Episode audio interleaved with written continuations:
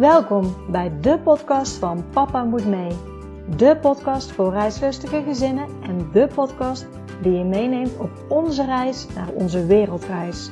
We hopen jullie hiermee te inspireren. Reizen jullie met ons mee? Let's go! Welkom bij weer een nieuwe aflevering van de podcast van Papa Moet Mee. Ja, wij zijn terug van onze roadtrip uit het Verenigd Koninkrijk. Ehm, ook dit neem ik vooraf op voordat we op onze roadtrip zijn gegaan. Dus ik kan nog niet delen met jullie uh, hoe dat het is geweest. We zijn namelijk afgelopen zaterdag 6 mei teruggekomen van onze roadtrip. En 7 mei hebben we feest gevierd omdat tijdens deze vakantie we tweejarigen hebben gehad in het gezin. Uh, en dat wilden we ook nog graag vieren met familie. Dus um, ja, en ik dacht, laat ik dit ook maar van tevoren opnemen en niet ook nog op zondagavond stress hebben dat er op maandag nog een nieuwe aflevering online moet komen. Dus ook deze is van tevoren opgenomen. Ik klink dus nog steeds verkouden. Uh, en waarschijnlijk hoor je in de volgende podcast hoe dat we het hebben gehad tijdens onze roadtrip. Nu ik ook terug ben, uh, kan ik ook weer de focus leggen op het e-book wat er aankomt. Het wordt echt zo ontzettend uitgebreid dat als jij dromen hebt, plannen hebt om met je gezin voor langere tijd op reis te gaan, dan zou ik zeggen echt, dit is het e-book dat je wilt hebben. Hier wordt alles, alle kennis die ik zelf heb, uit eigen ervaring, maar ook van meer dan 100 gezinnen die ik inmiddels heb geïnterviewd, wordt gewoon gebundeld en overzichtelijk bij elkaar gezet. Dus er wordt niet één methode uitgelegd wat je kan doen, maar eigenlijk alle vormen die er maar zijn, die worden belicht. Uh, er staan opdrachten in, zodat jij zelf ook echt concreet aan de slag kan gaan met jouw dromen. Uh, en alles komt voorbij, zowel leerplicht, schoolplicht, mindset, uh, belasting, verzekeringen. Welke partijen kunnen jou en willen jou wel nog accepteren, bijvoorbeeld als je voor langere tijd op reis gaat en wellicht moet uitschrijven hier. Um, je omgeving, hoe dat die ermee omgaan. Het stukje geld natuurlijk met mijn achtergrond als uh, registeraccountant en certified money coach. Komt ook dat ter sprake, dus het wordt echt ontzettend uitgebreid. Nog even geduld. Uh, zoals ik al eerder aangaf, ga ik proberen om op de website een uh, wachtlijst te zetten. Meld je daarvoor aan, want degenen die daarop staan horen als eerste wanneer het e-book klaar is. En krijgen ook als eerste een hele mooie welkomst korting, of in ieder geval een introductiekorting. Dus uh, ga dat zeker doen. Ik hou jullie hier via de podcast en via Instagram op de hoogte als uh, de wachtlijst op de website staat. En uh, schrijf je dan zeker in. Voor nu even ook een bruggetje naar geld. Want ik heb een mooi interview klaarstaan met Janneke van Financieel Vrije Vrouw.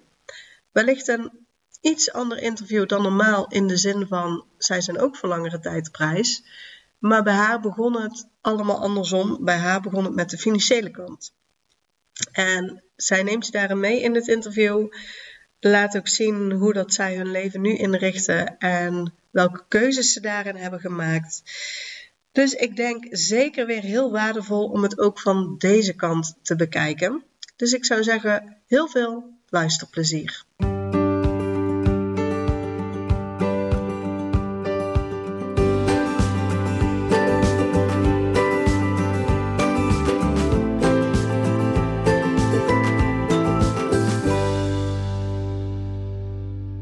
Hoi Janneke, welkom bij de podcast van Papa Moet Mee. Hoi, ja, superleuk dat ik hier mag zijn, Annemarie. Ja, um, nou ja, eerste vraag altijd. Zou jij jezelf en je gezin kunnen voorstellen? Of ik mezelf en... Oh ja, ik kan voorstellen. Ja, uiteraard. Ja, ik, ik, ik, ik pak hem even anders. Ik denk, kan ik me voorstellen? Ja. Nee, uh, ja, nou, mijn naam is Janneke van der Brink. Ik heb een platform, uh, of tenminste, ik ben eigenlijk 2019 gestopt in loondienst uh, ben ik begonnen aan een platform uh, Financieel Vrije Vrouw. Het ging er heel erg over om uh, vrouwen te leren ook, hè, om te beleggen, om een vrije leven te leiden. Um, ja, en inmiddels, ja, december 2021, hebben we ook onze woning verkocht. Ook echt wel om weer die vrijheid na te streven. En zijn we vanaf dat moment eigenlijk op reis gegaan en gaan kijken ja, waar wij willen wonen. Wat wij gewoon een fijne plaats vinden ook om te wonen buiten Nederland. Dat was eigenlijk altijd een grote droom. Maar voordat ik me bezig hield met de financiële vrijheid, hè, ik wist niet wat het, wat het was. En ik zal het later ook nog wel uitleggen. Um, maar wisten we niet dat het mogelijk was hè, om dus ook echt gewoon te vertrekken en uh, geld voor je te laten werken. Maar toen wij inderdaad die financiële vrijheid bereikt hebben, zijn we nu met gezin en al eigenlijk al een tijdje op reis. En komt er nu een tweede aan in Portugal, waar we nu zitten. Ja, leuk. Gefeliciteerd alvast. Ja, dankjewel. Ja, ik ben benieuwd. De meeste gezinnen die ik spreek, die uh, gaan op wereldreis. Um, op dat moment vinden ze het zo geweldig en gaan ze dan manieren zoeken om te kunnen blijven reizen, om het vaker te kunnen doen. En dan komt financiële vrijheid in beeld. Ja. Maar bij jou lijkt het een beetje omgedraaid. Ja, klopt inderdaad. Want bij, bij ons is het zo geweest dat wij in 2008 al wel tegen elkaar hadden gezegd. We hadden toen net een relatie met elkaar. En ik weet nog wel dat we, dat was toen 2009, het jaar daarop, dat we in eh, Malaga waren in een fantastisch hotel. Toen hadden we tegen elkaar gezegd, nou ten eerste, hier moeten we gaan trouwen. Dat hebben we ook gedaan, 2015 was echt, heel, echt geweldig. En we hadden tegen elkaar gezegd van ja, hoe gaaf zou het zijn inderdaad om samen te ondernemen, om iets te doen. En dan inderdaad gewoon te vertrekken. Gewoon onze spullen te pakken en uh, ja, te vertrekken uit Nederland naar gewoon een zonnig land of waar dan ook waar we heen willen. Um, ja, en het was eigenlijk, uh, ja, ons leven zette gewoon voort. Want ja, ik bedoel, ik werkte bij een uitgeverij. Jacco die werkte bij de politie destijds. En uh, ja, we waren op zich hè, hartstikke blij met die banen en het eh, ging hartstikke goed. Alleen, uh, ja, het was nou niet echt, uh, dat waren gewoon kantoorbanen natuurlijk. En voor Jacco ook gewoon, nou ja, nooddiensten. Hè? Dus die draaiden natuurlijk ook verschillende nooddiensten en moesten dan op uit. Dus het was niet echt meer, op een gegeven moment niet meer, een, ja, kwam het niet meer ter sprake. En ja, tot, totdat eigenlijk ik het boek Rich Dad Poor Dad las. En uh, omdat ik in mijn werk en eigenlijk gewoon wel vaker in mijn leven heb meegemaakt dat ik steeds weer toch wel weer in burn-outs terecht kwam. Dus dat ik gewoon niet helemaal happy was, omdat ik dacht van ja, ik haal gewoon niet alles uit mijn leven. Um, en dat was het moment inderdaad dat dus uiteindelijk een vriendin van mij, uh, van ons uh, samen, Rinkje van Travelicious Family, die zei toen, nou Janneke, jullie hebben overwaarde in jullie woning, lees nou eens dit boek. En toen ik dat ging lezen, dacht ik, nou, financiële vrijheid, bestaat dat dan? En nou ja, op dat moment was de mindset zo veranderd dat ik dacht, ja, dan kan alles gewoon anders. Dus toen ben ik daar heel hard naartoe gaan werken, eigenlijk net als Rinkje. Die had hetzelfde doel van, nou, de vrijheid bereiken en daarna gewoon eigenlijk op wereldreis, maar niet even, maar gewoon voor onbepaalde tijd. En ja, uh, ja zo is dat toen gegaan. Ja, want eigenlijk zat er dus wel al in jullie achterhoofd van ooit willen we op een zonnige bestemming wonen. Ja, dat, uh, het grappige is dat we dat later, uh, ja, dat we eenmaal eigenlijk al verhuisd waren uit Nederland, dat we tegen elkaar zeiden van, ja, het is niet alleen maar bijvoorbeeld COVID geweest, hè, want dat heeft het, proces wel weer snel, dat je echt wel denkt van, jeetje, als alles dicht is, we wonen midden in de stad, uh, hutje mutje woon je, we, we wonen best wel echt al in de stad in een eensgezinswoning, tussenwoning, uh, waarbij je als je in de tuin zit gewoon al je buren hoort. Uh, en iedereen was natuurlijk aan het boren tijdens uh, COVID, omdat ja, de tuin was natuurlijk helemaal de main thing om je op te richten, omdat dat was de, de buitenplek waar je dan kon zijn. Ja, dat we toen wel zoiets hadden van, nou, volgens mij moeten we het proces nu gewoon lekker gaan versnellen, want we hadden eigenlijk een ander tijdspad, maar ja, toen hebben we gewoon gezegd van, weet je wat we gaan doen? we doen het sneller. We gaan, uh, hè, want toen we er eigenlijk achter kwamen dat financiële vrijheid uh, bestond, hadden we wel een tijdsbestek, of in ieder geval ik voor mezelf, van nou, binnen één jaar wil ik dat bereiken. Dat was echt wel heel kort, maar ik had dat wel tegen mezelf gewoon gezegd en op mijn bord, uh, hè, visionbord gezet. Maar op zich had Jacco nog best wel prima. Die, die had net een nieuwe baan en die werkte op een gegeven moment bij de gemeente. En ja, die, uh, ja, die, die had beleidsbepalend werk, wat hij heel gaaf vond en wat hij heel graag wilde doen. Um, maar inderdaad, toen COVID kwam, toen veranderde dat allemaal. En nou ja, toen konden we allemaal ineens thuiswerken. En nou ja, ik had toen al mijn baan opgezegd bij de makelaar waar ik toen werkte. En uh, ja, ik weet niet, het werd toen op een gegeven moment werd het toch een beetje van... Ja, nou, nou wordt het eigenlijk allemaal wel heel erg... Uh, uh, ja, uh, makkelijk ook. Hè? Dat, dat je vanaf, vanaf een afstand overal kan werken. Ze kunnen ons werk ook gewoon meenemen. En zeker ook niet stoppen met werken nog. Want ja, eerlijk is eerlijk, dat zullen we denk ik nooit doen. Omdat we het gewoon te leuk vinden. Um, maar ja, inderdaad, zo is het een beetje gegaan. Dat, dat uiteindelijk de, toch wel een beetje door COVID kwam er echt een beetje een versnelling in het proces. Maar dat we hier eenmaal waren, keken elkaar aan en toen zeiden we van ja, dit is eigenlijk wel heel grappig. Dat in 2009 hebben we tegen elkaar gezegd. En nu zitten we hier toch maar gewoon. Weet je wel? Ja. Ja, gaaf.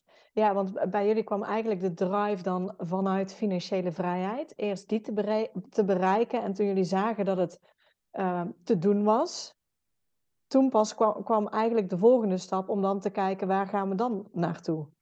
Klopt, omdat zeg maar, uh, toevallig waren we laatst ook weer een, kopje koffie aan het drinken. Toen zei uh, Jacco eigenlijk wel iets interessants. Zo van ja, weet je nog dat, dat je dan ergens heen gaat, hè, wereldreis of een verre reis maakt. Dat je toch de hele tijd in je hoofd, in je achterhoofd, ben je al bezig met dat je weer naar huis moet. Maar hoe lekker is dat dat er nu niet meer is? Weet je wel, dat je gewoon kan denken, ja, ik hoef niet meer terug. Ik kan gewoon overal heen waar ik wil. En dus het is niet zo dat uh, we ons hebben tegen laten houden uh, daarvoor. Want we zijn eigenlijk daarvoor ook altijd best wel verre reizen gaan maken. Ook naar Vietnam en naar Cambodja. En uh, nou we hebben hele mooie, mooie landen gezien. Alleen het was toch altijd maar eventjes, weet je. Of een maand of nou hooguit zes weken. Maar, maar inderdaad, niet we hadden nog niet een jaar gedaan. Omdat we dan, hè, dat hoor je natuurlijk ook wel veel. Dat mensen echt wel kunnen sparen ook zo. En dat ze echt gewoon zeggen, nou, we hebben gespaard voor een jaar echt wereldreis. Maar ja, daarna is wel het geld op. En moet je weer eigenlijk weer overnieuw beginnen. Dus inderdaad, bij ons was het zo dat op het moment dat we. Nou ja, dat ik eigenlijk dat boek in handen kreeg en dat ik las dat je geld voor je kan laten werken, dacht ik van ja, maar dat betekent gewoon dat je onbeperkte vrijheid hebt. En dat je eigenlijk ervoor kan kiezen dat, uh, ja, dat je gewoon niet meer uh, afhankelijk bent van een baan. Ja. Dus ja, dat was een, echt een eye-opener. Ja, je hebt dat boek gekregen. Je hebt jezelf een deadline gesteld van één jaar. Ja. Wat ben je toen precies gaan doen? Ja, wat we toen uh, vooral gedaan hebben was, uh, nou ja, eigenlijk wat Rinkje toen ook al zei, van jullie hebben overwaarde. Waarom doen jullie daar niet iets mee? Het boek Rich Dad Poor Dad gaat heel erg over vastgoed. Um, en ook inderdaad over belastingen. Hè? En, en vastgoed is inderdaad gewoon iets wat je uh, een schuld is te, ten opzichte hè, tegenover bezit. Um, en belastingtechnisch is dat dus interessant. Dus daar, nou ja, daar zijn we dus ingedoken. Het is belangrijk om je dus in je financiële intelligentie uh, op te krikken. Dus dat hebben we toen gedaan door middel van een vastgoedcoach. Dus we hebben echt een half jaar traject gedaan bij iemand die ons gewoon vertelde van nou, jullie hebben overwaarde. Wat je zou kunnen doen is jouw hypotheek verhogen, het geld eruit halen en dat gebruiken als um, startkapitaal voor een beleggingspand. En dat is hoe wij toen zijn gestart. En dat was niet makkelijk, moet ik eerlijk zeggen. Want er zijn niet zo heel veel banken, en zeker toen niet, in 2017, waren er weinig banken die uh, geld wilden storten op jouw rekening, die, die jouw uh, hypotheek wilden verhogen. Um, terwijl je er iets voor ging kopen, wat dus, ja, zoals ik het zie, hè, wat dus geld oplevert. Dus eigenlijk als je vastgoed koopt van het geld wat je dus op je bank gestort krijgt, dat vinden banken moeilijk. Terwijl op het moment dat je je dat vond ik zo raar. Op het moment dat je je hypotheek ging verhogen en bijvoorbeeld een boot ging kopen, dat mocht wel. Dus heel veel banken wilden dan niet dat je dus vastgoed ging aankopen, terwijl dat geld oplevert. Maar wel dat je een boot ging kopen, terwijl dat alleen maar geld kost. Dus nou, dat was een zo'n gekke kronkel, dat ik dacht van, hé, hey, dit, dat is heel raar. Dus toen zijn we best wel lang op zoek uh, gegaan naar een uh, nou, hypotheekverstrekker die, die toch ons geld wilde lenen om dus dat beleggingspand aan te kopen. En uiteindelijk dus inderdaad een, een verstrekker gevonden. Ja, en zodoende is het balletje echt gaan rollen. Ja. Ja, en hoeveel panden hebben jullie uiteindelijk kunnen kopen toen? Uh, nou ja, we hebben toen inderdaad met de overwaarde in ieder geval één pand gekocht. En die hebben we toen verbouwd. Dus we hebben toen er wel echt voor gekozen om dus het pand te kopen. Uh, dat was echt gewoon een pandje. Nou, het stond al drie maanden op funda. Helemaal ingezakt. Uh, geen hond had er interesse in. En wij hadden ook zoiets van, hè, doen wij wat verkeerd? Waarom, waarom wil niemand dit pand? Maar ja, dat was op zich niet zo gek, want het had een ingezakt dak en het was al die tijd illegaal verhuurd geweest. En uh, nou ja, dat zag je ook en dat mocht eigenlijk niet. En er moesten allerlei dingen natuurlijk aan veranderd worden daarom. we hadden niet echt een buitenplek, eh, alleen een balkonnetje. Dus uiteindelijk hebben we dat helemaal opgeknapt. Uh, inclusief het dak. En we hebben de energielabel omhoog gebracht. En ja, dat was eigenlijk waar het geld op dat moment dus heen ging. Echt naar dat ene pand. Uh, en toen het verhuur klaar was, en we hadden ook een partij die daarin wilde gaan. Dat is een stichting geweest. Uh, en die zit er nog steeds in. En die konden heel moeilijk nou, autistische jongeren kwijt. Dus we hadden zoiets van, nou, dan hè, doen we eigenlijk ook nog iets wat maatschappelijk goed is, weet je wel. En, en die jongens die kunnen heel moeilijk wonen in het midden van het centrum van waar we toen woonden. En nou, toen was het inderdaad zo dat we door dat opknappen en de huurders erin te hebben, konden we dat pand weer herfinancieren. Dus wat, je, wat er dan gebeurt is inderdaad dat je door het opknappen van het pand, krijg je dus weer een taxatierapport. En nou, daar komt weer een bedrag uit. Dan kan je dus weer inderdaad hetzelfde nou ja, trucje doen. Door dus weer de overwaarde eruit te halen en dat dan weer te gebruiken voor een volgende. Dus dat hebben we toen ook gedaan. En dat was eigenlijk voor ons het aller ja, bizarste, wat wij dus gewoon niet wisten. Dat je uh, op die manier dus gewoon zonder dat je heel veel geld hebt eigenlijk, uh, toch in een stijgende markt uh, vastgoed kan blijven aankopen. Op die manier. Dus we hebben inderdaad uit die overwaarde vanuit dat pand hebben we toen een tweede pand gekocht. Um, en dat was een starterswoning. Nou ja, eigenlijk een gezinswoningje meer, want het was wat groter.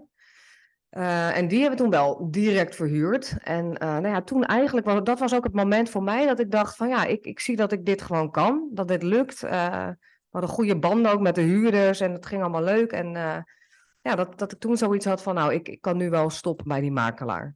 Als ik me hier nou echt op ga richten en ik ga schrijven over wat ik doe, waar heel veel mensen wisten totaal niet dat dit überhaupt kon, ook niet bij de makelaar waar ik werkte. Ja. Dus ik dacht van ja, inderdaad, als we dat gewoon op die manier uh, blijven doen, dan, uh, ja, dan, dan die financiële vrijheid, die, die behalen we dan wel. Dus ja, dus op die manier. Dus dat was toen twee panden, maar we hebben toen later wel weer één verkocht, omdat op een gegeven moment het was een ontzettend oververhitte markt.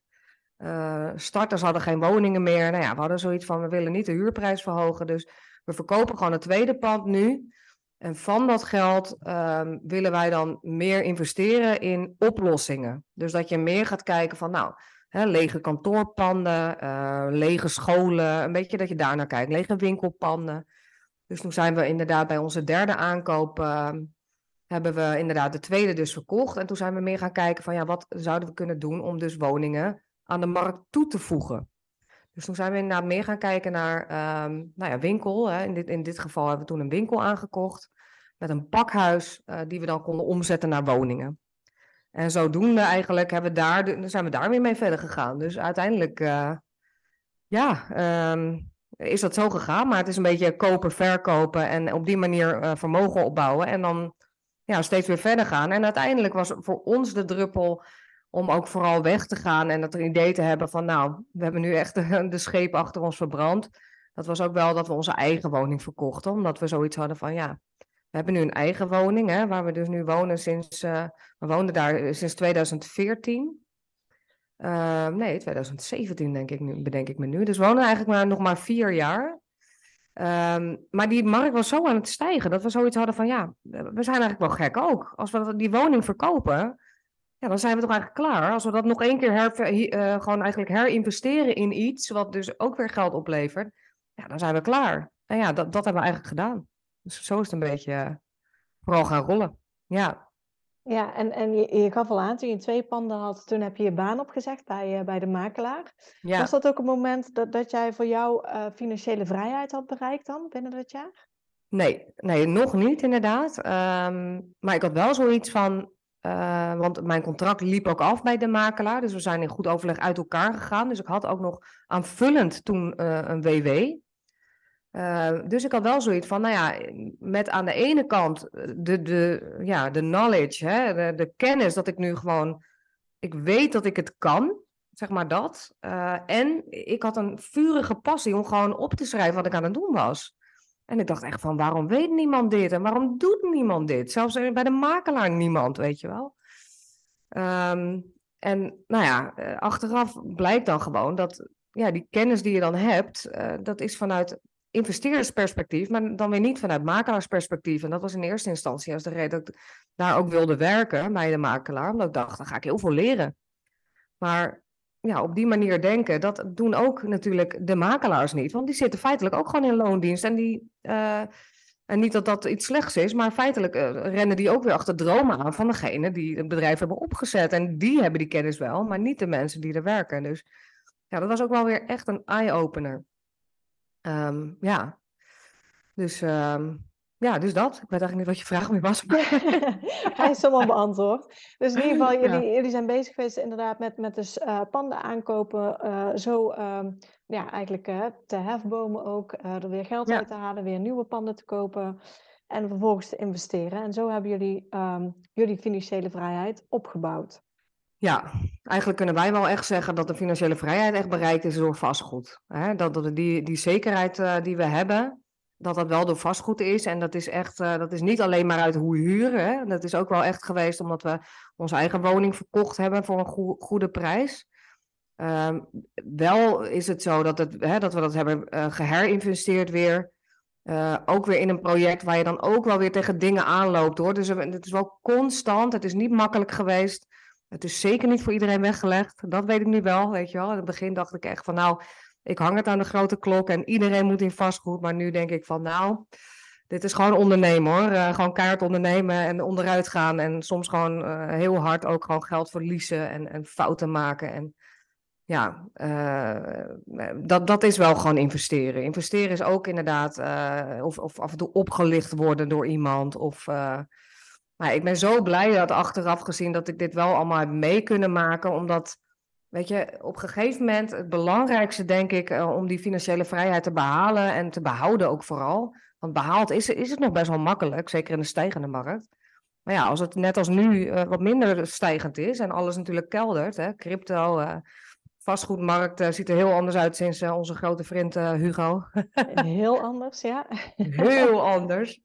Dus ja, dat, je moet dan toch gewoon, um, je moet hongerig blijven om dus wel door te blijven gaan met uh, in jezelf ook vertrouwen dat je, dat je het kan. Hè? Dat, je, uh, ja, dat jij zeg maar wel gewoon waarde in je hebt die je kan delen aan mensen en waar je ook weer geld mee kan verdienen. Hè? Dus uiteindelijk, uh, dat was het mooie, vond ik echt wel aan het reizen.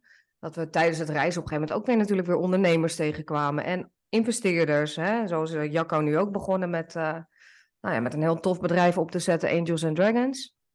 En um, ja, de, met Edwin en Julia. En Edwin heeft die leren kennen op Curaçao. En uh, nou ja, die deden eigenlijk ook hetzelfde. Die gingen eigenlijk, uh, die waren eerst uh, helemaal gestopt met werken. En hadden zoiets van, we gaan lekker op pensioen, heel vroege leeftijd. Maar die verveelden zich al vrij snel in Zuid-Spanje. Op een berg, heel heerlijk. Maar die dachten echt van, ja, jeetje. En nu? Ja, iedere dag in de hangmat liggen is ook niet echt helemaal uh, leuk, zeg maar. Dat voelt niet echt zingevend. Dus uiteindelijk, uh, ja, toch maar weer bezig gegaan met, nou ja, uiteindelijk is hij met coachen bezig gegaan en dan nu met Jacco dit bedrijf opgezet. Ja, en zo kom je dan weer allemaal mensen weer tegen, gaandeweg, gaande, eigenlijk echt vooral tijdens het reizen, ja, die heel erg out of the box denken. En die, ja, die met allerlei leuke dingen weer komen. En, en zo ga ik nu ook weer toch weer een podcast beginnen met, uh, ja, met ook weer een naamgenootje die ik hier heb leren kennen. En dan gaan we gewoon praten over nou ja, van alles en nog wat. Wordt ook in het Engels, en, uh, hè, maar echt een beetje ons leven hier in Portugal. Um, maar ja, zo zie je een beetje dat je zo gaandeweg allerlei dingetjes ziet, oppakt en uh, ja, een beetje beweegt waar, ja, waar je heen wil bewegen. En ik denk dat dat vooral een beetje die vrijheid is. Dat, dat, die vrijheid zit hem niet per se in dat je eh, nou helemaal niks meer hoeft te doen. Maar de vrijheid zit er maar in dat, dat op moment, hè, dat zoals nu bijvoorbeeld, ik een beetje zoiets heb van, ik ben ook zwanger nu, ik ben 23 uh, weken. Uh, die kleine komt eraan. Ik wil ook een beetje echt wel focus hebben nu gewoon op dat proces en het wat meer zelf doen en wat meer holistisch, van een holistisch, uit een holistisch perspectief toch gewoon uh, de baby mogen krijgen. En uh, ja, dat je gewoon kan zeggen van, nou, uh, ik stop er even mee. En uh, we gaan volgend jaar weer verder, weet je wel. of, of misschien wel niet. maar ja, dat. Gewoon die vrijheid. Ja, ja want ja. ja, jullie zijn toen gaan, gaan investeren. Ehm, ja, het ging toen goed en toen hebben jullie ook bepaalde keuzes gemaakt, ook om je eigen huis te verkopen, ehm, toen de markt zeg maar booming was. Ja. Was dat ook meteen ehm, de keuze van, en nu gaan we ook Nederland verlaten, we verkopen ons huis en we gaan hier ook weg? Nou, eigenlijk was het misschien wel een beetje andersom, in de zin van, kijk, ik, had op een gegeven moment zoiets van, ik wilde echt gewoon weg. Ik wilde uit Nederland weg. Ik, ik dacht van, nou, ik, nu, uh, het is genoeg. Het was volgens mij uh, de tweede, derde uh, lockdown. En toen dacht ik, nee, ik, ik wil gewoon weg. En um, ja, ik voelde me gewoon opgesloten. En ik had zoiets van, ja, dat huis houdt ons gewoon hier vast. Terwijl, en dat was eigenlijk ook weer toch weer die vriendin inderdaad, die zei van, ja, um, je bent pas echt vrij als je je eigen woning kan verkopen. Dat was ook weer iets wat in mijn hoofd is blijven hangen, omdat ik voel dat het waar is. Hè? Omdat een woning, dat is iets waar je zoveel waarde aan hecht. Je hebt daar, hè, ons kindje is daar geboren. Um, ja, we hebben daar mensen, gewoon vrienden opgebouwd. Ging daar aan de basisschool, was om de hoek. Uh, allemaal dat soort dingen. Ja, als je die woning verkoopt en je hebt helemaal niks meer, uh, pas dan, uh, ja, dan ben je echt soort van vogelvrij, weet je wel? Omdat je gewoon niet meer iets hebt, hè, een vast goed, wat jou dus ook vasthoudt. Ja. En ja, dat is natuurlijk ook hè, dat onroerende. Dat, dat je, je, we willen het roerend hebben. Dus ik bedoel, dus moet je van het onroerende goed af, wat jou dus vasthoudt op de plek waar je bent. Dus toen we dat verkochten, dat was wel grappig. We gingen, wel, ik had toen al eigenlijk ook al geboekt naar Curaçao hadden onze woning nog niet verkocht. Maar uiteindelijk uh, was het dus zo dat we dus wel gewoon zoiets hadden van nou, we gaan. Hè, de, december, uh, de vlucht was geboekt, woning nog niet verkocht, wel helemaal leeggehaald, spullen in, in, in containerboxen. En nou ja, er was nog op een gegeven moment een bezichtiging. En toen kwam Jacco best wel met een heel briljant idee. En die zei gewoon van nou, het is heel simpel. Dit is onze vraagprijs. Degene die het eerste vraag, vraagprijs biedt, die mag het huis hebben. Punt. Dus zeg maar, als er daarna weer een bieding overheen komt, nee, wie het eerst komt, het eerst maalt. Nou, uh, dus we, eigenlijk op dat moment, toen dat werd ingezet bij de makelaar, dat was echt wel leuk. We gingen vliegen inderdaad naar Curaçao. We gingen, en toen we landen hadden we een bod. En toen hadden we zoiets van, nou prima, geaccepteerd. en ja, toen hadden we dus ons huis verkocht. Eigenlijk op het moment dat we landen. Dus toen had ik ook weer zoiets van, ja, dat is ook weer echt wel iets wat je dan soort van manifesteert. Omdat je denkt van, nou ja, ik heb de ticket gekocht. Ik laat het niet afhangen van, hè, van mijn huis. We gaan gewoon weg. En we, op afstand zien we het wel. En met deze strategie was het ook echt wel van, uh, nou ja, hè, dat, je zag het niet vaak, omdat natuurlijk toen echt nog wel, uh, zeker die woningen bij ons in de buurt, heel snel als warme broodjes over de toonbank gingen. Dus het was gewoon, ja, wie het eerst komt, het eerst maalt. En hij stond toen drie weken te kopen, vonden wij toen al heel lang. Want nu uh, is het natuurlijk alweer helemaal anders. Ja. Maar uh, onze buren die hadden toen net even uh, in een betere tijd verkocht in de zomer. Um, maar inderdaad, wij hadden toen wel zoiets van, dat, dat was het ook hoor, dat die buren het toen zo goed verkochten, dat we echt dachten van ja, we kunnen onze woning natuurlijk wel verhuren, maar dat haalde nooit uit, zeg maar, op die manier. Dus ja, als we er echt wel uit willen halen, dan moeten we het nu gewoon gaan, gaan verkopen.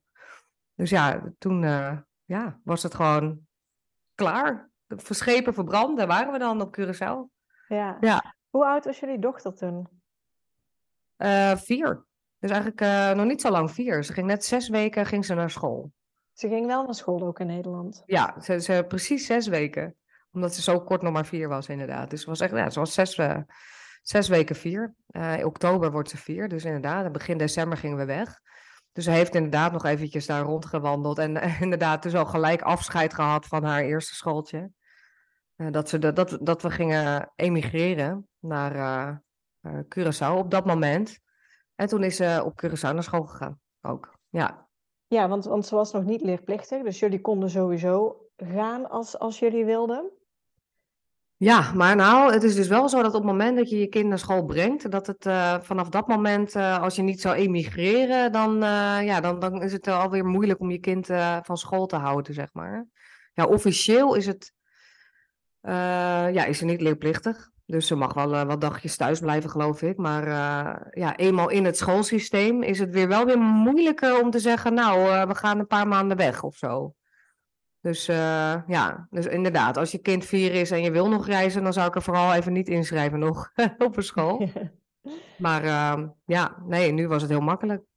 Ja, dus jullie zeiden bij, bij de school in Nederland, we gaan emigreren. En jullie zijn in Curaçao, is zij ook gewoon naar een school gegaan? Ja, en dan moest dat toen ook wel aantonen hoor, dat ze wel naar een andere school ging. En die, een school die dus wel, uh, omdat we nog niet uh, uitgeschreven waren, maar eerst natuurlijk uh, een beetje testrondes gingen doen, welke landen dan voor ons in aanmerking zouden komen om te wonen. dus toen, het was wel zo dat de school wilde weten dan welke school ze dan heen ging. En of dat ook wel verbonden was aan het curriculum in Nederland. En ehm, nou ja, dat, dat was zo. dus ja, dat kon eigenlijk gewoon geruisloos uh, verder gaan. Het was alleen inderdaad voor onze dochter, uh, die, die had het wel in het begin wel een beetje zwaar hoor. Ik bedoel, het was niet gelijk uh, roosgeur en maneschijn, omdat het natuurlijk best wel heftig is. Een verhuizing naar een andere plaats en gelijk ook naar een andere school. En ze ging ook vrij snel al naar die school. Ze waren echt anderhalve week nog maar op Curaçao. En toen ging ze eigenlijk al naar school. Dus ja, dat was wel een beetje een transitieperiode. Niet zo makkelijk voor haar is geweest. Net zoals uh, de transitieperiode hier uh, in Portugal ook wel eventjes. Wat moeilijk was. Maar ja, je ziet heel veel kinderen er wel gewoon heel makkelijk van school naar school gaan. Dus ehm, ja, dat ligt heel erg aan het kind. Ja, want hebben jullie toen op tijd ook nog met de leerplichtambtenaar dan rond tafel gezeten? Dat hij dan een, of hij of zij dan een inschrijving moest zien van een school in Curaçao en dat hij dan voldeed aan de eisen die ze dan hebben? Nou ja, ik heb eigenlijk nog nooit contact gehad met een uh, leerplichtambtenaar. Omdat wij natuurlijk wel gewoon weggingen. Dus op het moment dat je natuurlijk echt vertrekt, ja, dan is het niet zo dat, uh, dat ze daar heel streng op zijn. Ik heb in ieder geval nooit, uh, nooit een leerplichtambtenaar gesproken, maar wel dat de school zelf wilde weten het adres. Hè? Dus de directeur van de school wilde dan weten welke school. En toen had ik nog een leuk fotootje gestuurd van, hè, nou, dit is haar nieuwe klasje. En meer een beetje op die manier, ook voor de overdracht en dat soort dingen, maar niet per se uh, de leerplichtambtenaar. Daar heb ik tot nu toe sowieso nog in één keer mee gesproken, dus dat is ook wel een interessante. Ja. We stonden al die tijd nog gewoon ingeschreven in Nederland, maar we hebben eigenlijk ook toen ze vijf werd uh, nooit meer een leerplichtambtenaar uh, gesproken. Nee. Oké, okay. ja, want dat was inderdaad mijn volgende vraag. Jullie stonden dus nog ingeschreven in, in Nederland ja. toen jullie gingen. Ja, ja. klopt. Nee, jullie zijn toen vertrokken naar Curaçao. Uh, eigenlijk dus om te kijken van, is dat een plek waar wij kunnen en willen wonen? Ja, ja dat was inderdaad uh, een beetje het idee ook. En uh, het leek ons heel leuk om te kijken ook waar die vriendin van ons woont. Die, die had daar toen ook een huis gekocht. Uh, Travelers Family. En uh, gingen we daar langs. En die had zoveel geweldige verhalen over Curaçao. Ik denk, nou, normaal gesproken zou ik er misschien op vakantie gaan, maar niet per se met in mijn hoofd om er te wonen. Um, maar ik dacht, nou ja, dan beginnen we gewoon daar. Dan, daar start dan onze reis, weet je wel. Dus het was niet uh, per se... Uh, het was gewoon een van de opties. Maar niet gelijk van, nou, uh, zoveel procent kans dat we daar al gingen wonen. Nee, we hadden echt zoiets van, nou, we gaan gewoon die en die en die landen bezoeken. En dan uit die landen kiezen we. Ja. En, en hadden jullie ook een, bepaalde tijd dat je in ieder land dat op het lijstje stond... een paar maanden wilde zijn? Of... Ja, eigenlijk ja, inderdaad. Dat, uh, dat hebben we toen wel zo gedaan. Dat we in ieder geval minimaal drie maanden in, uh, uh, op, op Curaçao dan. nou ja, Panama is een beetje tussendoor gekomen. We hadden eigenlijk ook nog tickets naar Costa Rica hadden we toen wel al binnen. Maar omdat onze dochter wel erg onrustig werd van het constant, want we zijn ook binnen de landen zelf heel veel verhuisd. Dus ja, het is niet dat we dan één plek hadden waar we dan lang bleven. Maar gewoon echt meerdere plekken. En omdat ze best wel gevoelig, uh, zij wel echt een beetje gevoelig is, ja, vond ze dat toch wel lastig om dan elke keer weer te vliegen. Dus uiteindelijk zijn we, hebben we toen besloten om, um, hè, omdat je, je, moet, je gaat naar Mexico via Panama. Dus om in Panama dan ook nog een maandje te blijven. En dan wel met, uh, nou ja, uh, Jacco's businesspartner, die ging ook mee met, met zijn gezin. Dus dan hebben we ook nog in een huisje gezeten samen. Dus dan had zij even haar een soort broertje. En ja, toen hebben we inderdaad samen nog wat dingetjes gedaan. Dan zijn we daar in totaal een maand gebleven. Panama City, maar ook echt gewoon een beetje door Panama heen uh, geweest. Maar daar niet de intentie om te wonen. Maar Mexico hadden we wel echt uh, een beetje in ons hoofd van, nou, hè, uh, daar willen we toch wel eens gaan kijken hoe het daar is. En met die mooie cultuur ook daar, hè, de Maya-cultuur. En ehm, ja, zoveel over gehoord ook. Dat we dachten, nou, we gaan gewoon kijken hoe, hoe het daar bevalt. Ja. En, en is ze dan in Mexico, is jullie dochter daar ook weer naar school gegaan? Nou, we, hebben toen wel gesprekken gehad met, eh, met scholen eigenlijk. Ehm, maar de scholen waar wij interesse in hadden, die hadden toen geen plek. eh, geen plaats voor haar. Dus we zijn in eh, Mexico toen iets van ja, drie, drie, vier maanden geweest. En ehm, ja, toen heeft ze geen school. toen hebben we haar uiteindelijk niet naar school, school gebracht. Omdat ehm, ja, we wilden haar wel op een, ja, op een school hebben die gewoon echt al onze eh boksen aantikte. En die, Ja. ja, die was er helaas gewoon niet bij. En dan moesten we inderdaad maanden wachten. En wij wisten dat we tegen die tijd eigenlijk alweer richting Nederland gingen. Eh, en daarna eh, door Europa gingen reizen naar Portugal. Dus ja, nee, Mexico niet. En Panama ook niet. Nee, maar daar ga je dan ook geen haan meer naar, of, of wel? En jullie stonden dan in, in Curaçao, heb je erin geschreven in de school, maar vervolgens neem je er mee, zeg maar. Ze is nu, toen was ze nog steeds vier, neem ik aan, hè? Dus Ja, ja, ja, ja, zeker. op zich Ja, niet, eh, niet leerplichtig, maar Nee. ja, het wordt dan ook niet meer gemonitord of iets. Nee, eigenlijk niet. De- de- tot nu toe eh, is dat bij ons eh, helemaal niet meer gebeurd. Want ik bedoel, ook toen ze vijf werd, eh, we stonden nog steeds gewoon in Nederland ingeschreven. Ehm, oktober vorig jaar. En eh, toen hebben we ook niks gehoord. En ze, ze zit dus op, hier wel op een eh, schooltje, eh, een Nederlands schooltje, die gekoppeld is ook weer aan het Nederlands curriculum. Dus op zich ehm, ja, zou de leerplichtambtenaar dit gewoon goedkeuren. Ja, Maar we hebben nooit wat eh, gehoord van hun beste vrienden, dus ik vind het goed. ja, nou ja, sowieso. Maar het is denk ik ook weer een belangrijke voor gezinnen om, om ook te zien hoe Ja. dat het dan waarschijnlijk gaat. Dat als je je eenmaal inschrijft in een buitenlandse school, Ja, dat Ja. het daarna waarschijnlijk oké is. Want ja, Ja, kijk, eh, het is eigenlijk denk ik zo. Kijk, wij zeiden ook echt van, nou, we hebben ons huis verkocht en eh, we gaan weg naar het buitenland. We weten niet precies waarheen. Eh, ja, dus we gaan gewoon rondreizen. Maar wat je heel vaak hebt natuurlijk, inderdaad, waarom je dus wel een leerplichtambtenaar toegewezen krijgt, is dat mensen weer teruggaan naar, naar, naar Nederland. Dus die zeggen dan gewoon van, nou, eh, na een maand zijn we er weer en kunnen we dan weer terug op die school en dan wordt het gemonitord. Ja. Maar bij ons was het inderdaad gewoon zo dat we vertrokken. Eh, dat we haar niet meer terug gingen brengen naar de school waar ze was. Dus het was echt een afscheid. Dus ik denk inderdaad in die zin dat dat ook een beetje zo was van, nou ja, zij zijn weg. Dus eh, ja, er valt weinig nog te monitoren. Eh, we weten dat ze daar zit ongeveer. En nou, good luck. ja. Ja. Ja, en, en na Mexico, na drie, vier maanden Mexico, zijn jullie teruggekomen naar Nederland. En vervolgens zijn jullie afgereisd naar Portugal, waar jullie nu nog steeds zitten. Ja, klopt. Ja, we zijn inderdaad ook nog eh, eventjes blijven hangen. eh, nou ja, nog in Frankrijk en in eh, Spanje. Ehm, maar het was heel gek, want toen wij eh, uiteindelijk eh, echt wel in ons hoofd hadden van, nou, eh, Portugal, dat wordt echt wel een plek waar we dan echt wel een aantal maanden blijven.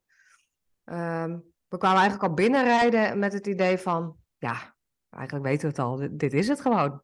Het was, ik weet niet wat het is, maar het was gewoon alleen al het binnenrijden, het naar binnen wandelen, naar, ehm, ja, eh, in een pompstation naar binnen wandelen. Eh, ja, de vriendelijkheid, weet je wel, eh, de, mooie natuur. Maar ook wel heel handig hoor, dat, dat ze hier gewoon echt wel goed Engels spreken. En in Spanje natuurlijk niet, hè. We, zijn er toen getrouwd in eh, 2015, maar nou, dat was nog best wel een dingetje om eh, alles te kunnen regelen in eh Andalusië. Want in Andalusië spreken gewoon echt geen woord, eh, woord Engels hoor. Ik bedoel, eh, Tuurlijk, Madrid en zo wel, Barcelona absoluut. Alleen, ja, Valencia, maar je, in Andalusië kan je echt wel vergeten dat mensen daar Engels spreken. Dus dat, en dat was dan echt wel een beetje waar we, waar we heen zouden willen. Omdat, ja, we houden heel erg van, van het zuiden van Spanje. Maar ehm, ja, ik weet niet, eh, Portugal was gelijk al toch wel een heel ander gevoel. Dus Wat- toch wat meer, eh, ja, misschien, misschien lijken ze wat meer op Nederlanders. Ze passen zich weer iets meer aan aan vreemdelingen, zoals wij. Dus Ja. ze doen echt moeite ook gewoon om ook jouw eh, taal te spreken, zoals wij dat ook doen in Nederland naar Duitsers en Engelsen. En eh, weet je wel, wij spreken hun taal en niet andersom. En eh, in Spanje, dat is wel grappig, dat is wel echt wel een leuk, een grappig verschil inderdaad. Spanjaarden, ehm, die hebben hun taal natuurlijk ook wereldwijd verspreid. Dat is heel belangrijk voor hun, heel nationalistisch zijn ze. Eh, maar Portugees wat minder, net als Nederlanders niet. Die hebben natuurlijk ook de hele wereld eh, zijn ze overgereisd. Ook in Port- Portugal ook, zijn er ook handelaar, handelaren. En die zijn ook overal geweest. Ook kolonies. Maar eh, ja, die hebben niet hun taal heel erg opgedrukt. Ja, eh, aan andere landen. Dus eh, dat, eh, dat merk je wel, dat dat nu wel gewoon wel fijn is. Dat je je wel kan redden. In ieder geval de eerste paar jaar. Het voelt niet gelijk dat je helemaal lost bent in translation, zeg maar. Ja. Is toen voor jullie ook de knoop do- doorgehakt van we willen in Portugal blijven? Of hebben jullie nog steeds het plan, nou we blijven hier een aantal maanden en dan zien we alsnog? Nee, we zijn al ingeschreven. Dus eigenlijk, ja, ik, heb niet eerder het gevoel gehad zo van, hè, dat, je, dat je zoveel rust, daar, waar ik naar op zoek was, die rust zeg maar, die heb ik namelijk helemaal niet echt gevoeld tijdens het reizen, wat misschien nog logisch is, hè, want reizen is natuurlijk ook heel erg intensief en dat kost ook echt wel veel energie. Ehm, maar inderdaad, eh, ik heb in Portugal toch echt wel een soort van rust of zo, waar ik echt wel naar op zoek was. Wat ik in Nederland echt kwijt ben geraakt. En wat, eh, ja, wat ik zo fijn vind ook, eh, hè, natuurlijk, eh, onze dochter zit nu op een Nederlands schooltje, maar ja, uiteindelijk is het voor ons ook wel fijn. En, en nou ja, voor ons, maar ik, eigenlijk voor, voor ons gevoel naar haar toe, dat ze ook wel naar een internationale school gaat. Dat ze echt wel wat meerdere talen eh, eh, spreekt. En dat, dat ze krijgt dat nu namelijk wel, drie keer in de week, ook Portugees. Maar ja, voertaal is Nederlands, dus je weet hoe dat gaat. Dat is dan toch heel anders. Eh, dus dat, dat komt dan wel. Alleen het mooie vind ik wel inderdaad dat je de, de zachte landing, veel, toch wel Nederlands om je heen. En ehm, ja, eh, zeg maar die, die rush, weet je wel. Het gevoel dat je, eh, in Nederland heb je heel, heel veel haast de hele tijd. En hier ook met de ouders die hier eh, hun kinderen op school hebben. eh, ja, doe je gewoon even spontaan een bakkie. Of, eh, oh, we even een wandelingetje maken? Of eh, weet je wel, eh, ja, het is allemaal zo spontaan. Mensen hebben tijd. Eh, mensen hebben al bepaalde beslissingen gemaakt. Dus om dus hier te wonen of om in ieder geval een aantal maanden te, te overwinteren. Ja, en die rust, ja, dat, dat heb ik echt eh, lang niet gevoeld. Dat was op Curaçao ook wel hoor, maar dan, misschien is het dan ook zo dat je in je hoofd hebt van ja, we moeten nog meerdere landen bezoeken. Dus je bent nog een beetje druk in je hoofd met andere dingen en eh, reizen en zo.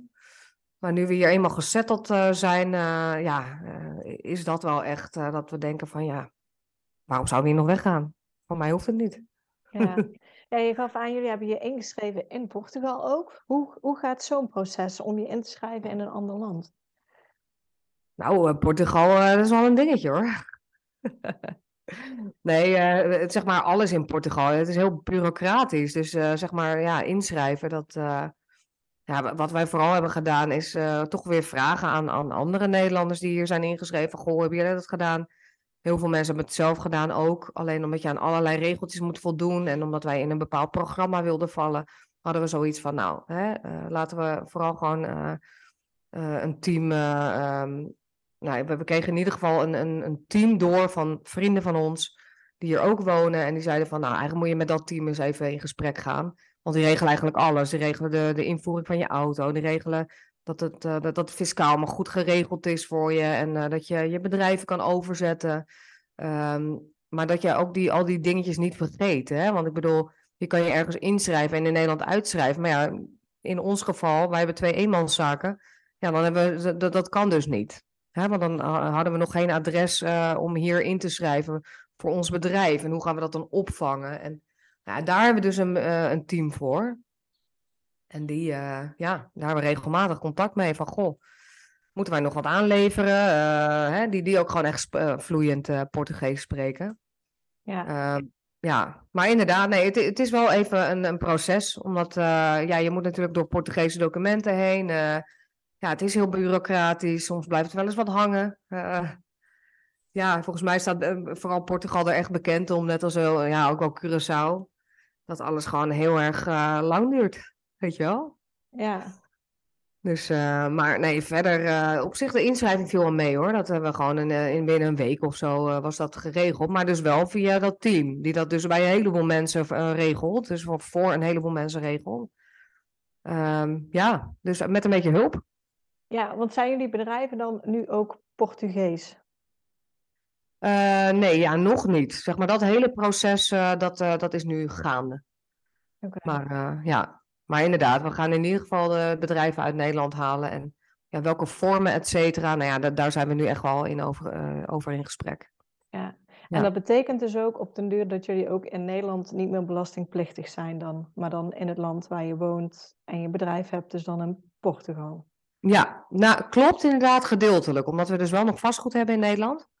Uh, en daar, uh, daarvan gaat de belasting natuurlijk, hè, WOZ, et cetera, dat gaat gewoon naar Nederland natuurlijk. Dus zeg maar, de, de, de bezittingen die we in Nederland hebben, dat blijft gewoon onder Nederlandse belasting. Um, maar ja, de bezittingen die we hier hebben en nou ja, verder al het, uh, ja, al het andere, dat, dat is inderdaad onder de Portugese vlag, zeg maar. Ja. ja. En dat is uh, volgens mij qua crypto en zo ook weer heel voordelig. Ja, dat, inderdaad. Dat, uh, nou, dat was dus wel zo. oh, was? Maar er zijn ik heb toen de tijd nog, nog Didi gesproken. Die, doen, die hebben zich ook in Portugal ingeschreven. Ja. Niet zijn kinderen, maar hunzelf toen wel. En dat was inderdaad heel voordelig voor uh, ja. zijn nee, crypto-portefeuille. Dat was heel voordelig, ja. Okay, ja. Nee, maar die, die regels veranderen ook steeds. Omdat ze natuurlijk onder grote druk uh, ook gewoon bepaalde dingen moeten doorvoeren van Europa. Je weet hoe het gaat. Uh, en inderdaad, het, weet je wel, ze willen het onder druk van Europa uh, want het is nu natuurlijk zo dat heel veel mensen natuurlijk in Portugal gaan, die dus dan crypto hebben, die bepaalde bezittingen hebben. En, en die komen dan in, natuurlijk in hele interessante belastingschalen terecht. Sowieso, inderdaad, als resident hier zijnde. En dat moet je ook wel goed uitzoeken hoor, om dat uh, op een goede manier te doen. Maar ja, je ziet nu al dat er heel veel dingen ook weer worden um, ja, teruggetrokken. Of net ja. veranderd worden. Ook bijvoorbeeld de verhuur hier uh, in Portugal van panden dat de president nu net heeft, uh, uitspraak heeft gedaan uh, dat uh, nu bij alle nieuwe woningen die je koopt, aan het water bijvoorbeeld, bekende kustplaatsen, dat je daar iedere vijf jaar moet je een vergunning voor vragen om te verhuren. Omdat ze, het wordt eigenlijk in de Algarve een beetje te onbetaalbaar nu voor de Portugees om hier te wonen. Oh, dus ja. dat willen ze een beetje aan banden leggen en dat snap ik ook wel hoor. En daarnaast is het ook zo, ehm, ook met vastgoed, want wij kijken natuurlijk wel altijd ook naar vastgoed. Um, ja, dat, kijk, het feit dat het hier zo uitgestrekt is en, en weinig bebouwd, dat komt ook omdat ze echt wel strenge regels hebben. Het is niet dat je een stuk grond koopt en zegt, nou, uh, we, gooien er wat gebouwtjes op en klaar, weet je wel. Dat is in Nederland ook niet, maar daar is het echt dicht bevolkt, maar hier dus niet. Um, maar het is uh, ja, hier gewoon echt heel veel beschermd gebied.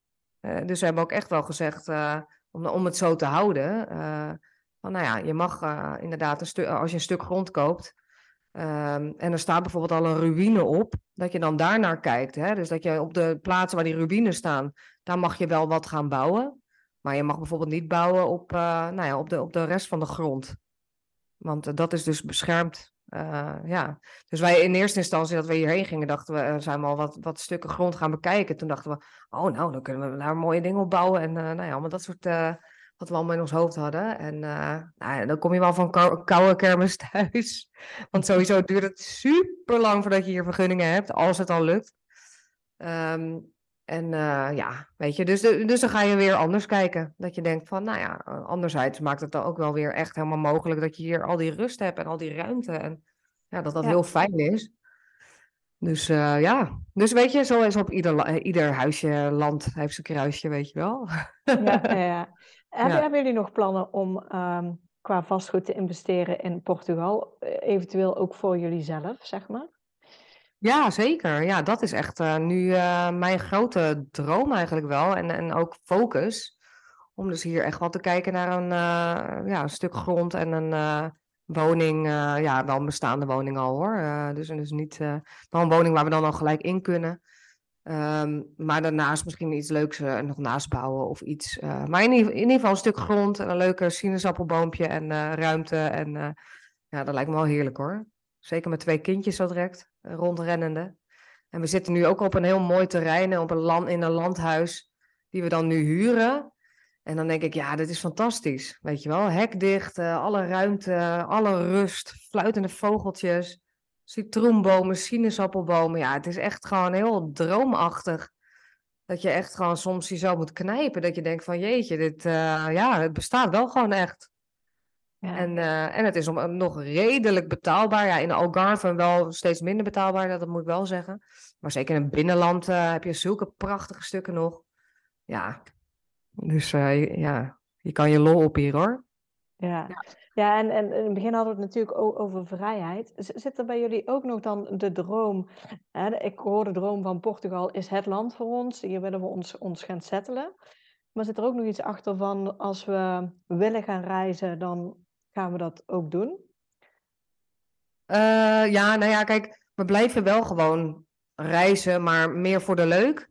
Alleen, ehm, ja, wat ik dus echt gemerkt heb, en dat is gewoon, denk ik, misschien wel persoonlijk hoor. Want ik bedoel, ik zie dat bijvoorbeeld bij die vriendin van ons weer wat minder terug. Die, die is echt wel eh, helemaal los, eh, kan zij van haar huis staan, van, van bezittingen, van iets waar, waar, waar ze vast woont. Maar ja, ik moet wel zeggen dat ik heel veel onrust heb gevoeld. ehm, om dus niet een, echt een plek te hebben voor jezelf. Dus zeg maar, ehm, dat echt een nomade bestaan. Dat, eh, ja, dat zou ik niet mijn hele leven lang kunnen volhouden.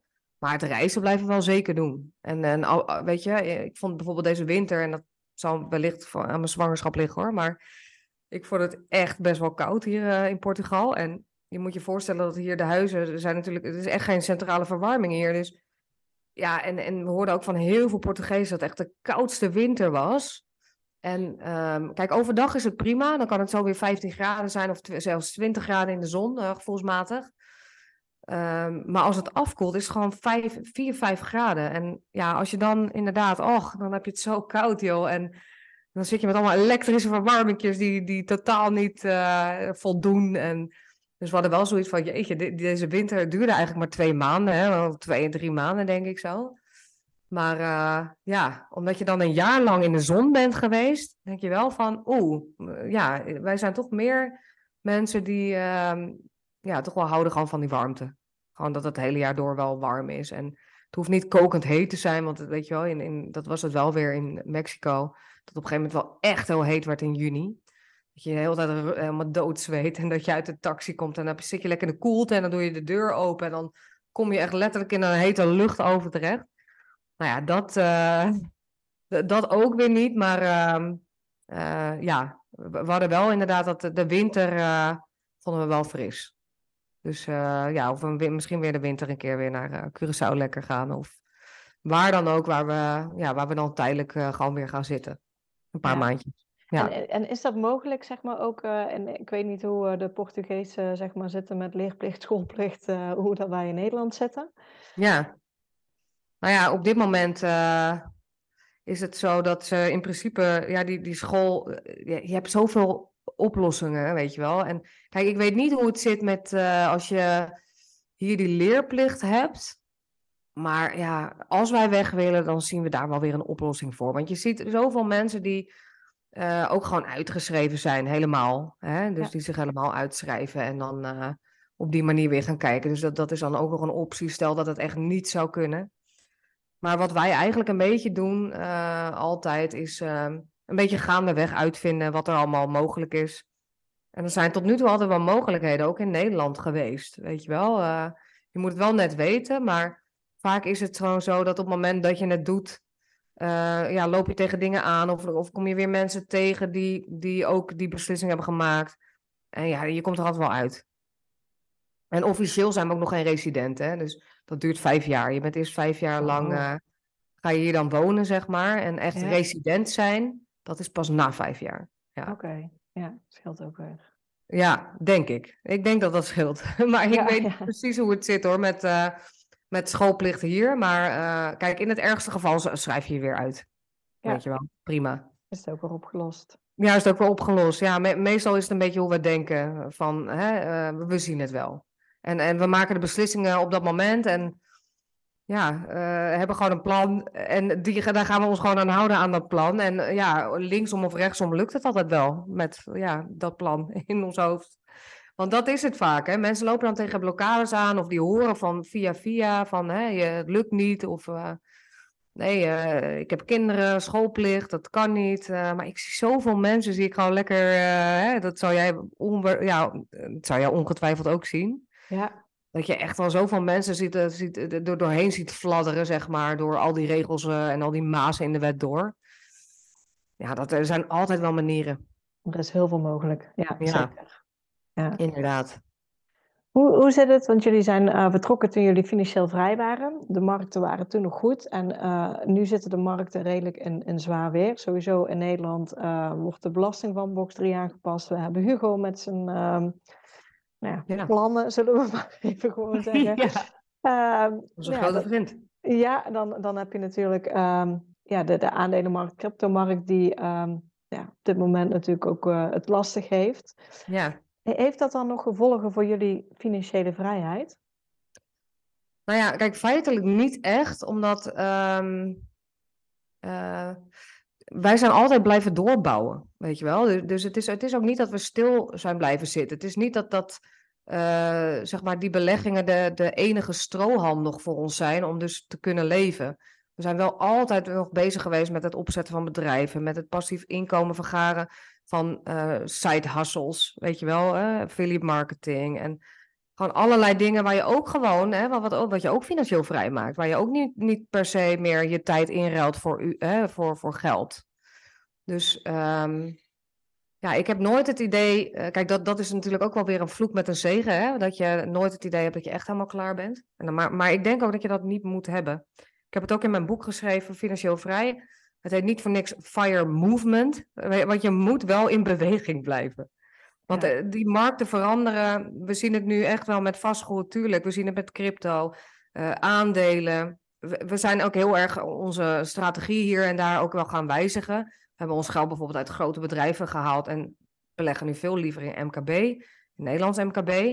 Omdat je op een gegeven moment denkt van ja, uh, als je de wereld een beetje wil verbeteren, volgens mij moet je dan juist wegblijven bij de grote vanguards, weet je wel. Die, die hebben al genoeg uh, macht. Dus, uh, en we merken echt dat, dat op het moment dat je een beetje op die manier gaat denken, ook een beetje, ja, dat klinkt net alsof wij zo heilig zijn, maar een beetje dat, dat het grappige is dat dat wereldverbeterende, wereldverbeterende bedrijven, dat ziet uh, Jacco ook wel echt aan zijn Angels and Dragons uh, investeringen, hij brengt MKB en um, investeerders bij elkaar, ja, dat die zijn binnen munt van tijd gevind. Hè, dus we hadden dus een bedrijf op Curaçao die echt binnen, nou wat was het, vier dagen of zo gefund was voor vier ton. Omdat gewoon heel veel mensen denken van ja, we willen wat mooiers maken van de wereld en we kunnen dat veel beter samen doen. Hè? Dus ik bedoel, niet meer afhankelijk van banken, maar gewoon het samen doen. We hebben samen geld, we hebben samen iets opgebouwd. We kunnen ook samen in elkaar investeren. En ik denk dat dat een beetje is, zeg maar, wat ons, ja, wij maken ons eigenlijk gewoon niet echt druk, druk over uh, de financiële markten. Ik kijk ook niet naar het nieuws. Ik, ik volg helemaal niks. Omdat, ja, nu die angst en het vallen van banken. En dan denk ik, ja, maar joh, dat vertrouwen zijn we al zo lang geleden kwijtgeraakt in banken. Um, eigenlijk sinds het begin al van deze zoektocht uh, hadden we al zoiets van: oké, okay, dit moeten we echt heel anders gaan doen. Dus, die, uh, ja, dus we, onze beleggingen blijven gewoon onze beleggingen. Wat er passief uitkomt, is natuurlijk wel heel anders dan vorig jaar. Dat is natuurlijk wel zo.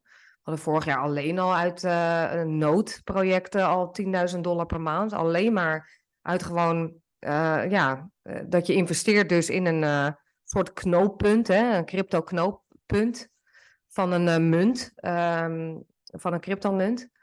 Ja, en alleen al daar al verdienen we toen 10.000 dollar. En weet je wel, kijk, en nu is dat, nou wat zal het zijn? Je mag blij zijn met 200 dollar, weet je wel. Dus tuurlijk, hè, je moet wel, je moet er niet van uitgaan dat het blijft. Hè? Je moet er wel van uitgaan dat de markten kunnen veranderen en dat dat echt wel invloed heeft, omdat het is een everything bubble. Hè? Dus ik bedoel, er is heel veel geld bij geprint. Al die, dat geld zit in alle markten, niet alleen in uh, vastgoed, maar ook in crypto. En ook in alle, hè, want je denkt dan verspreiding is belangrijk. Ja, is ook heel belangrijk. Alleen, ja, ik denk dat de spreiding ook wel heel, ik denk dat dat echt wel een tip is ook hoor. Ik krijg namelijk zo vaak berichten van, heb je nog uh, tips? Dan denk ik, ja, heb je nog tips? Ja, blijf vooral bezig, altijd. Blijf ook vooral zelf creëren, want ik denk dat de allerbelangrijkste asset die jij hebt, dat ben je zelf. Weet je wel, jouw eigen intellectuele eigendom, daar, dat is de echte waarde. En zeg maar de financiële waarde van de panden die je hebt of hè, de, de, het geld wat je daaruit krijgt. Dat is allemaal leuk meegenomen. Maar ja, als het wegvalt, valt het weg. Maar ja, ik weet niet. We hebben gewoon niet meer echt uh, die angst om, om dus arm te worden. Omdat we zoiets hebben van ja, we kunnen altijd wel weer wat creëren. Dus, en dat blijven we eigenlijk ook gewoon doen. En we denken altijd na over dat we iets creëren of iets maken waar je uiteindelijk ook weer zelf uit kan stappen. Of dat je bedrijven opzet die je weer kan verkopen. En dat je op die manier ook gewoon die financiële vrijheid behoudt. Dus ik denk in die zin dat het gewoon echt gewoon heel erg spreiden blijft. En, Ja. en dat je in beweging moet blijven. Dus inderdaad, ja, heeft het invloed gehad? Absoluut. Ik- Tuurlijk. Hè? Ik bedoel, eh, wij, eh, ja, eh, we zijn natuurlijk altijd nog steeds aan het werk geweest. eh, en bezig gebleven met eh, bedrijven opzetten. En we zijn heel blij dat er passief inkomen binnenkomt, ook vanuit onze bedrijven.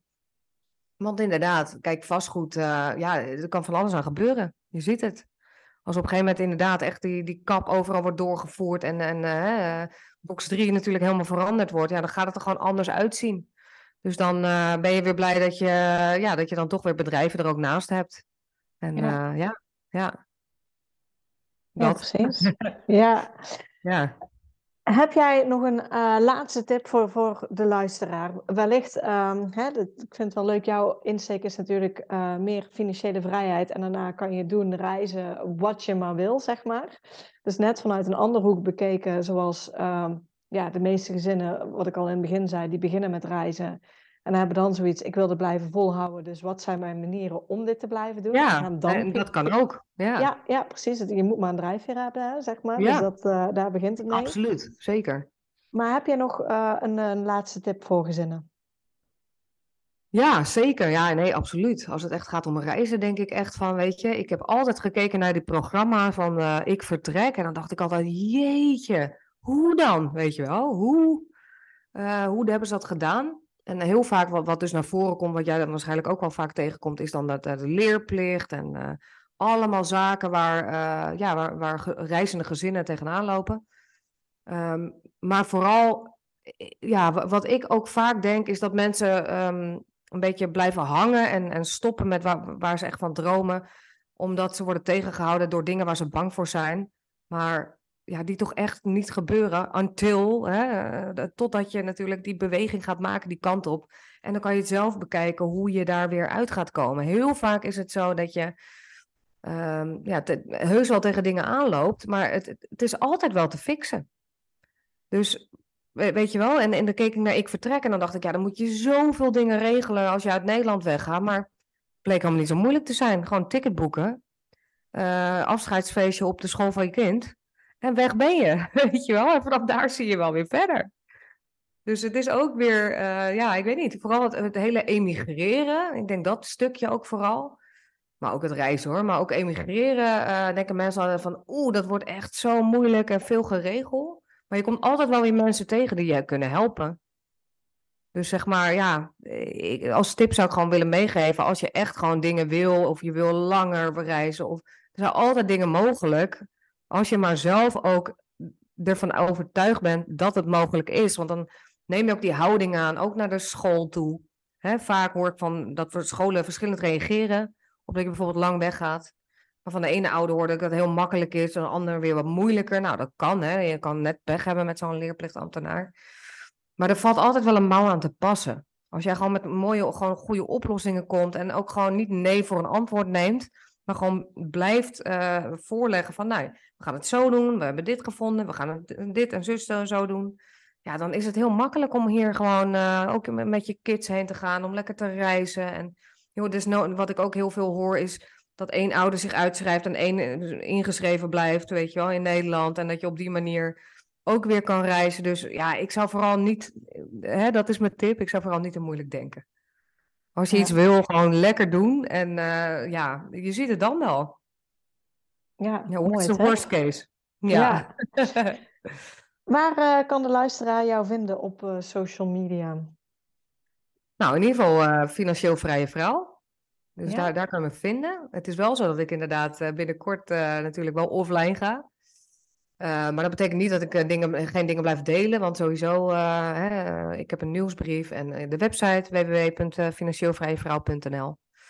En ja, op die manier blijf ik mensen nog wel updaten over onze, onze reizen en beslissingen hier. En, en wellicht ook het aankopen van vastgoed en dat soort zaken. Ja. ja. Dus eigenlijk als ze zoeken op financieel vrije vrouw, dan komen ze sowieso bij jou uit. En eh, daar kunnen ze zien, ehm, ja, inderdaad, eh, jouw boek bekijken, uh, website, nieuwsbrieven enzovoort Ja. aanmelden. Ja, zeker. Ja, als je financieel vrij googelt, dan eh, zie je komt mijn boek sowieso inderdaad aan alle kanten erboven. En ja, ik denk als je echt wel weet hoe mijn reis is geweest, dat je dan ook echt wel, ja, dat het een aanrader is om het boek te lezen. Omdat, ja, wat je gewoon heel veel ziet, is toch eh, dat het eh, allemaal te maken heeft met patronen. En dat je eigenlijk uit je, uit je eigen denkpatronen moet, eh, ja, eh, moet, moet zien te worstelen. Want eh, ja, als je daar eenmaal uit, uitgeworsteld bent, dan en je bent eruit gebroken echt, ja, dan zie je dat alles mogelijk is eigenlijk. En dat, ja, ik denk dat, dat dat vooral in een boek wel heel goed beschreven is. Dus dat is zeker een leestip dan. Ja, Ja, ja, super. Ik wil jou ontzettend bedanken voor jouw tijd en alles wat je met ons gedeeld hebt. ja nee, geen dank. Hartstikke leuk om hier te zijn. Thanks. Bedankt voor het luisteren naar deze podcast. Ik zou het heel leuk vinden als je ons volgt op Instagram. Papa moet mee. Deel deze vooral in je stories als je hebt geluisterd en tag ons. En laat ons weten wat je ervan vond. Tot de volgende keer.